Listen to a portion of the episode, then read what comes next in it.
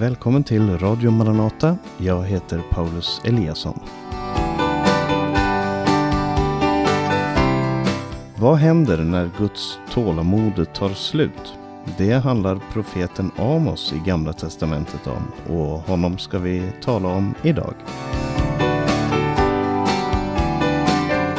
Amos är en av de tolv småprofeterna som de kallas i Bibeln. De sista tolv böckerna som vi har i vårt gamla testamente.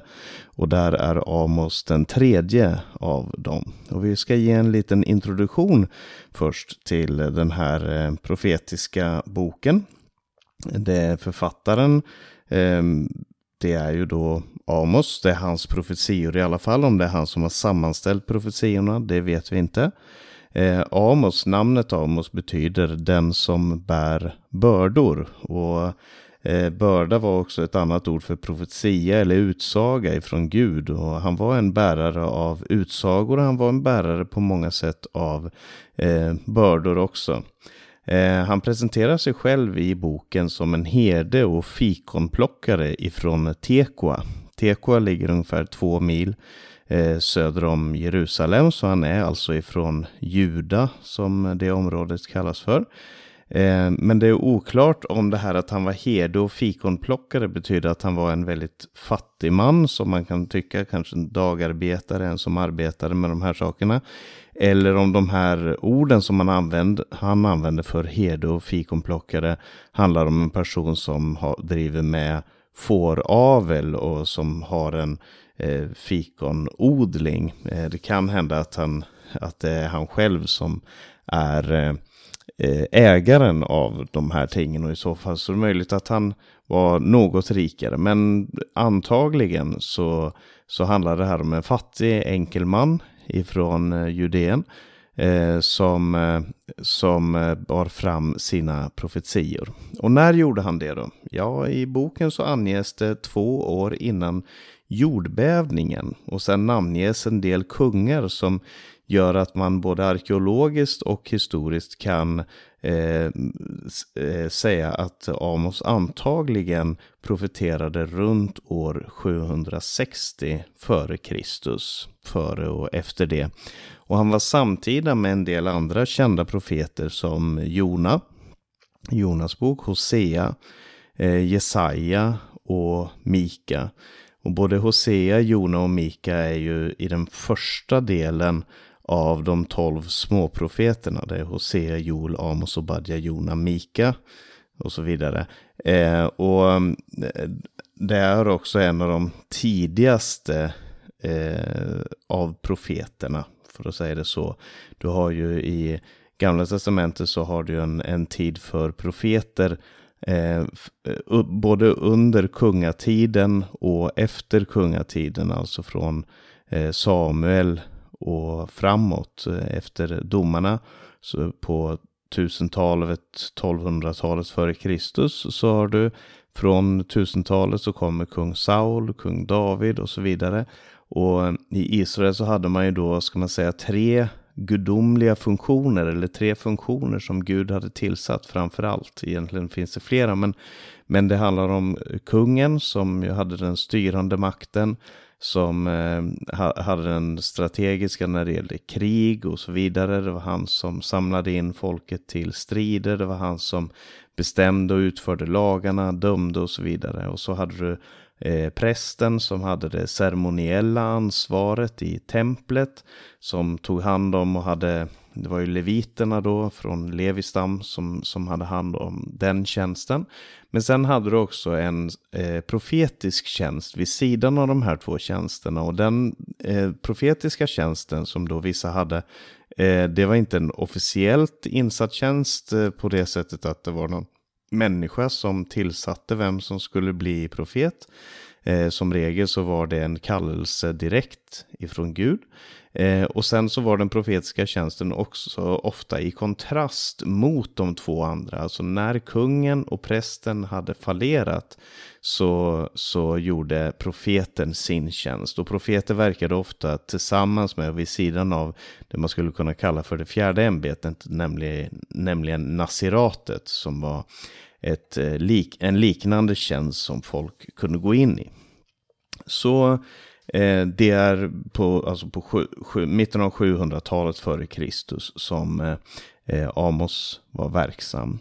Eh, genren som den här boken är skriven i, det är, ska vi säga, en, en, det han är en väldigt klassisk profet om. Man, om man tänker sig hur talade profeterna, vad talade profeterna om och på vilket sätt.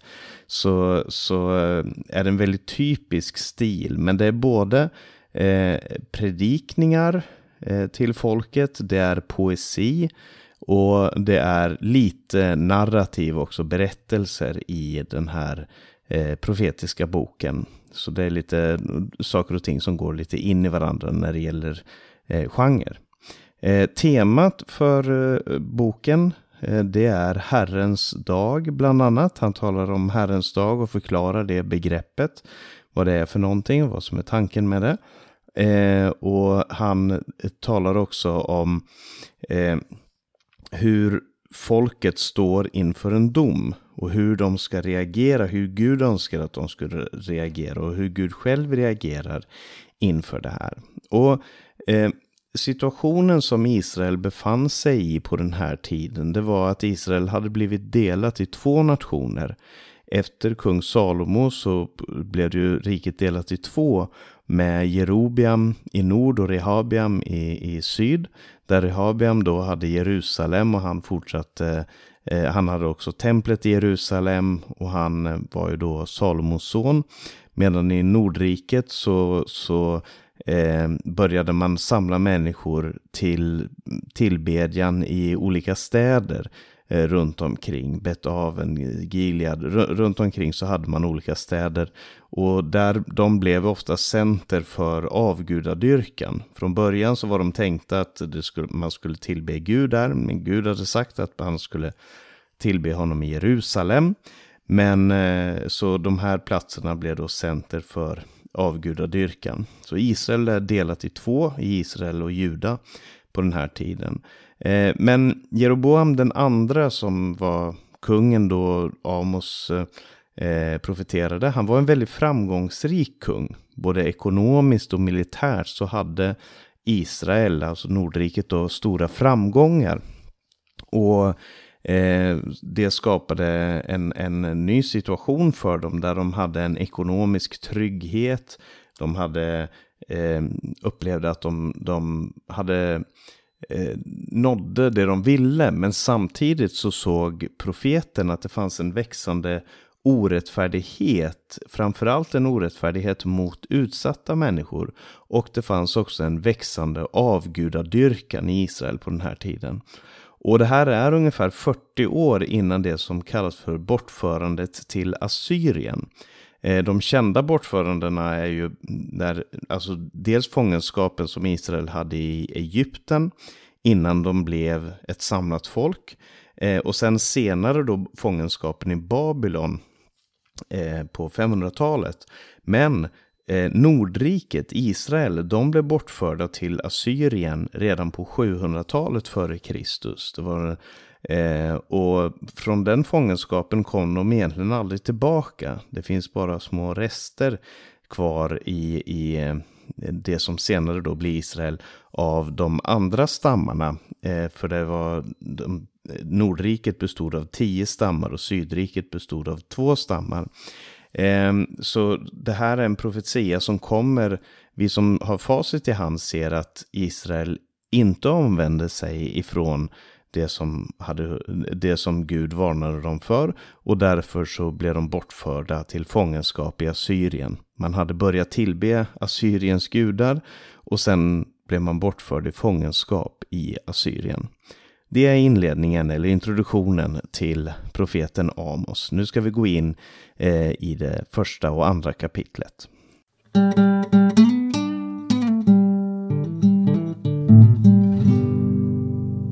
Amos har en väldigt typisk, typiskt sätt att uttrycka sig på och han eh, börjar kapitel, kapitel 1 och kapitel 2 handlar om eh, domsord och Guds domsord över olika platser, folk som låg runt omkring Israel först. Det handlar om Damaskus i nord, Gaza ut mot havet, Tyrus också i nord, Edom, Ammon och Moab österut. Det var de här grannfolken som eh, Israel hade.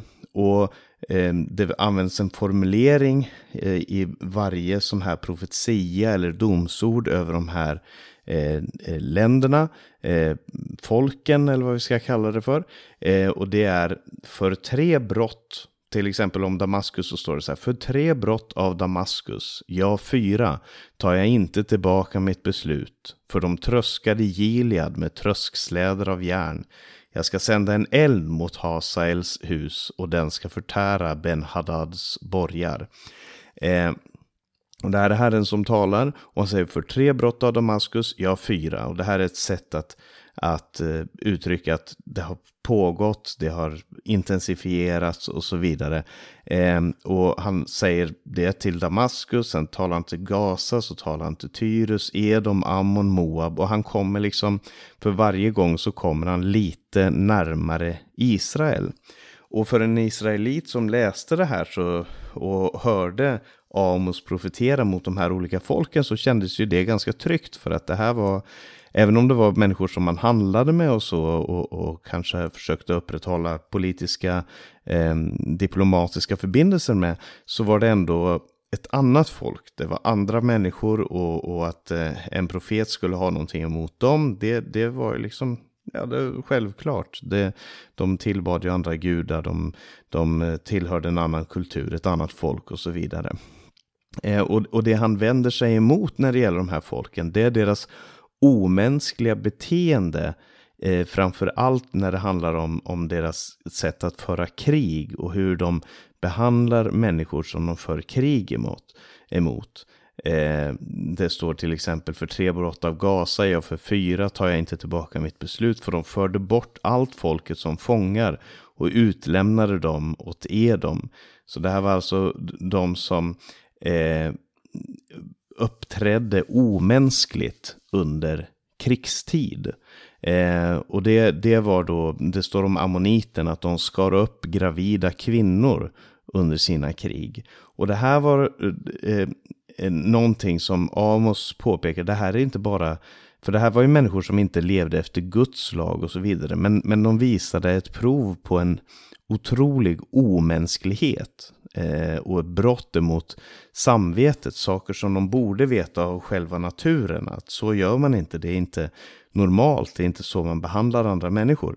Även för en människa som inte känner lagen så, så borde man förstå det.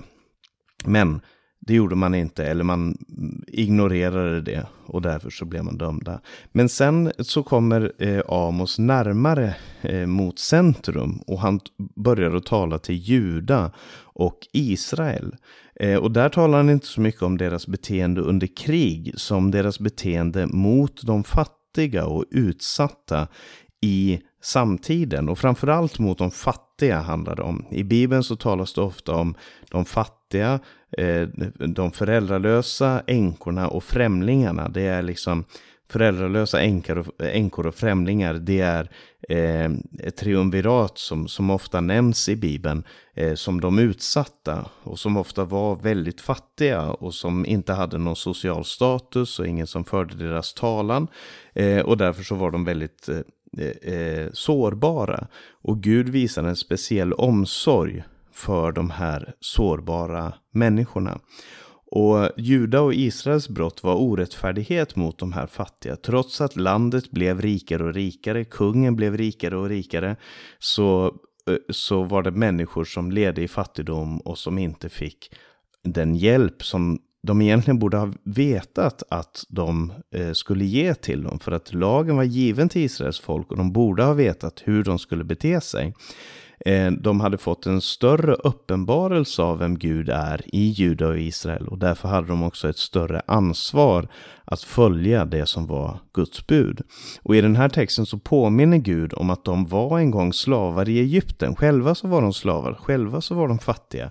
Och han konfronterar dem med men ni kommer ifrån ett folk som var slavar. Varför har ni inte omsorg om de som är fattiga idag? Ni var förtryckta men nu förtrycker ni. Ni var utsatta, men nu utsätter ni andra. Och nu hade de blivit ett folk som eh, gjorde allt också för att stoppa till munnen på profeter och nazirer. Han talar om det om och säger att ni, ni ger nazirerna vin att dricka. Nazirer var de som hade avgjort löften som bland annat innebar att de inte skulle röra någonting som hade med, med alkohol att göra. Eh, ni ger nazirerna vin att dricka och profeterna säger ni till att du, du ska inte tala i Herrens namn. Så de, de undvek eh, Guds röst i samtiden för att döva sitt eget samvete och för att fortsätta att leva eh, och hantera andra människor illa. Det är det de första två kapitlen handlar om. Vi ska gå vidare till kapitel 3 till 6.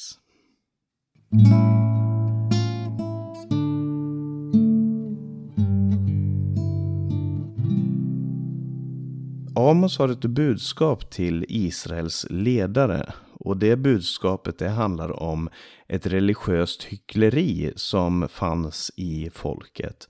De eh, eh kände till Gud, de kände till eh, hur man skulle tjäna Gud. I, I Juda så hade de ju då också eh, Eh, de hade tempeltjänsten, de hade templet på plats och de hade prästerna där och så vidare.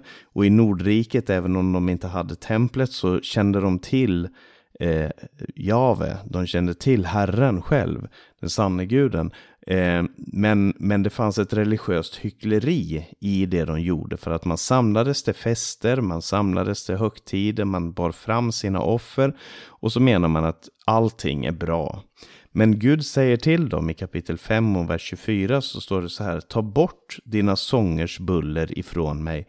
Jag vill inte höra ditt stränga spel. Men låt rätten flöda fram som vatten och rättfärdigheten som en ständigt rinnande ström. Och vi ska inte gå in på vad, vad, strömmen handlar om i Bibeln, men, men det finns helt klart en tanke här om att ifrån Guds folk, från Guds tempel och framförallt ifrån tillbedjan av Gud så skulle det strömma ut, som ett resultat av den tillbedjan så skulle det strömma ut rätt och rättfärdighet. Men det enda som strömmade ut, det var formen. Inte innehållet, utan den här formen med musiken, med offren, med allt som man sände upp, som man menade att man sände upp till Gud. Men Gud sa det går inte att göra på det sättet. Och sen så talar folket, så, senare så, så talar Amos om Herrens dag och han säger ve dem som längtar efter Herrens dag. Och det fanns en förväntan i folket att eftersom vi är de goda, vi är de snälla, vi är liksom de som Gud eh, sätter pris på, så ska Gud välsigna oss och vårt arbete. Gud, och Gud ska gripa in och han ska, när Herrens dag kommer, då ska vi bli bekräftade, då ska vi tas emot, då ska vi få all makten här på jorden. Men, Gud, men Amos sa, ve er som längtar efter Herrens dag. Varför längtar ni efter den? Herrens dag är mörker och inte ljus, står det i Mark, äh, Amos 5 och 8. Och eh, han, han påpekar där att eh, han påpekar där att Bibeln, den tröstar de undertryckta och Gud önskar att trösta de undertryckta. Men han varnar de som är självsäkra, de som är eh, motståndare till eh, Gud. Och det här har ju väldigt mycket att göra med Jesu egen undervisning i, eh, i Nya Testamentet, där han också är en sån person som tröstar de undertryckta och säger att Herrens dag kommer då ni ska bli förlösta, då ni ska få er rätt. Men han varnar de självsäkra och säger Herrens dag kommer då saker och ting ska sättas på rätt plats. Och så fortsätter det också i kapitel 7 till 9 där han, Amos har vision och tankar om framtiden. Eh, och i, i kapitel 7 så, så kommer de här domsorden över, över Jerusalem, över Israel. Men hela tiden så ber han, han går i förbön för folket och säger men hur ska Israel kunna bestå? Och Herren drar tillbaka sin dom och det vittnar om Guds långmod i den här situationen. Men det kommer en dom till slut och det är fångenskapen i Assyrien. Men ändå säger Herren att en rest ska bestå. Han säger så här, ändå vill jag inte utplåna Jakobs hus helt, säger Herren. Och det är i den situationen, när vi kommer fram till kapitel 9, som, den här, som det tänds ett ljus i Amos bok. För att Amos är, när man läser den så tycker man att den är förfärlig på det sättet att det är dom över orättfärdighet. Vilket i och för sig inte är förfärligt, för att, eh, men, men man tycker att ja, men, finns det inget ljus här, finns det inget hopp? Eh, och, och, men Gud, han säger så här i kapitel 9 vers 11. På den dagen ska jag resa upp Davids fallna hydda, mura igen dess sprickor och res, resa upp dess ruiner. Jag ska bygga upp den som i forna dagar så att de kan ta i besittning vad som är kvar av Edom och av alla hedna folk över vilka mitt namn har nämnts, säger Herren som gör detta. Och det ska alltså ske en upprättelse av det som har fallit. Det ska resas upp igen och när man läser vidare i kapitel 9 så ser man att det är en upprättelse av självaste Edens lustgård. Där Gud säger att jag ska plantera folket i Israel. Det är ett löfte om att de ska få komma tillbaka och att de ska bli planterade som en Herrens lustgård i landet. Och det intressanta är att i Nya Testamentet så citeras profeten Amos av eh, Jesu halvbror Jakob. När, eh, jag ska inte tala om den situationen så mycket, men, men han såg den här profetian eh, som en profetia om hur hedningarna skulle få komma till Jesus och få uppleva frälsningen i Jesus. Här står det att eh, de ska ta i besittning vad som är kvar av Edom och av alla hedna folk över vilka mitt namn har nämnts. Så alla de här folken eh, där Guds ord hade förkunnats, där Herrens namn hade förkunnats, där skulle människor få komma tillbaka till Herren. Och det var det som aposteln Jakob såg i eh, Eh, det som skedde under apostlärningarnas tid, när eh, aposteln Petrus gick till den hedniska officeren Cornelius hus och där förkunnade evangeliet och den heliga ande föll över de människorna som var där. Och då såg de det som en bekräftelse och en uppfyllelse av det som Amos hade profeterat. Och därför är det ju intressant att se lite till slut här om eh, det Amos säger om Guds karaktär och det ska vi se på nu.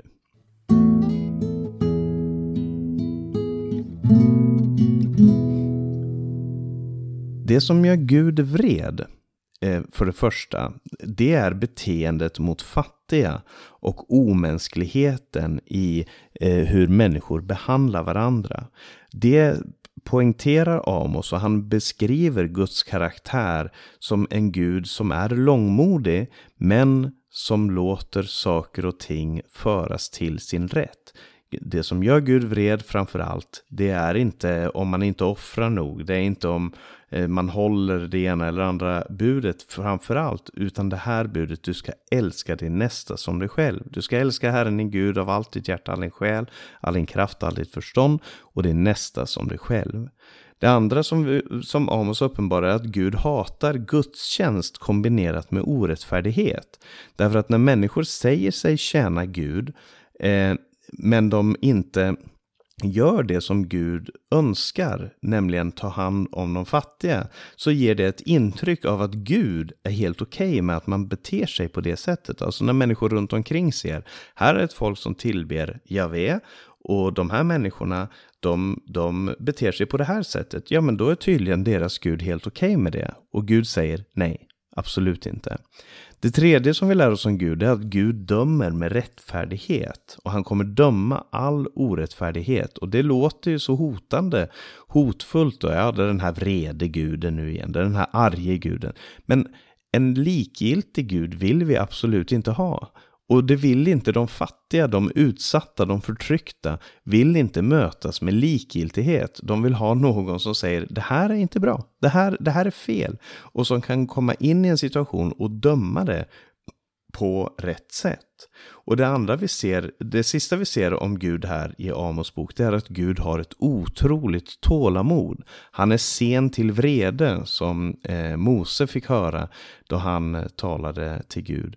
Och intrycket av att Gud är orättvis när han dömer utgår ifrån att de som döms är oskyldiga. Alltså ofta när folk säger, ja men hur var det med Noas flod, hur var det med helvetet och så vidare. När man talar om det här som handlar om Guds dom så säger de, nej men det är inte rättvist, det är inte bra, det är inte rätt. Och då utgår man ifrån att de som döms är oskyldiga. Eh, Noas ark, helvetet och andra ting. Det, men de här sakerna berättar att Gud inte kommer låta vårt sjuka, syndiga, naturvidriga beteende vara ostraffat. Och det är bra. Det är bra för alla de människor som lider idag under det här förtrycket. Fattiga människor som blir förtryckta.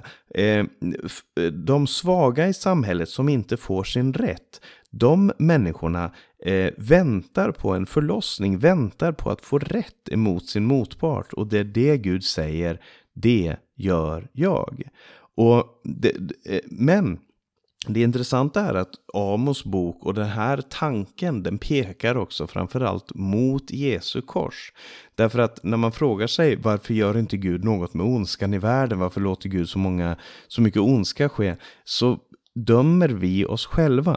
För att vi är inte goda människor. Vi är inte bättre än Israel var på 700-talet före Kristus. Vi är inte godare än några andra. Vi kan påstå att vi är mer civiliserade och vi kan säga att ja, men här och här är vi faktiskt mer civiliserade. Men det pågår fortfarande mord på ofödda människor. Det pågår fortfarande eh, förtryck av fattiga. Det är fortfarande stort problem med rasism och, och, och förtryck av eh, människor av massa olika anledningar. Och Gud ser det och Gud kommer döma det. Men i, om Gud dömer det så kommer han döma också mig. Och han kommer döma dig och han kommer döma oss allihop. Och varför gör inte Gud något med ondskan i världen? Det gör Gud i Jesus Kristus. Han som tog domen på sig. Han som levde ett rättfärdigt liv så som Gud ville, men som sedan också tog vår dom, vårt straff på sig. Och på det sättet så uppenbarar Amos och de andra profeterna vårt behov av en frälsare i Jesus Kristus. Och det stora är att vi får då gå in i ett nytt liv där vår tillbedjan går hand i hand med rättfärdighet. Och det är vad Amos bok handlar om.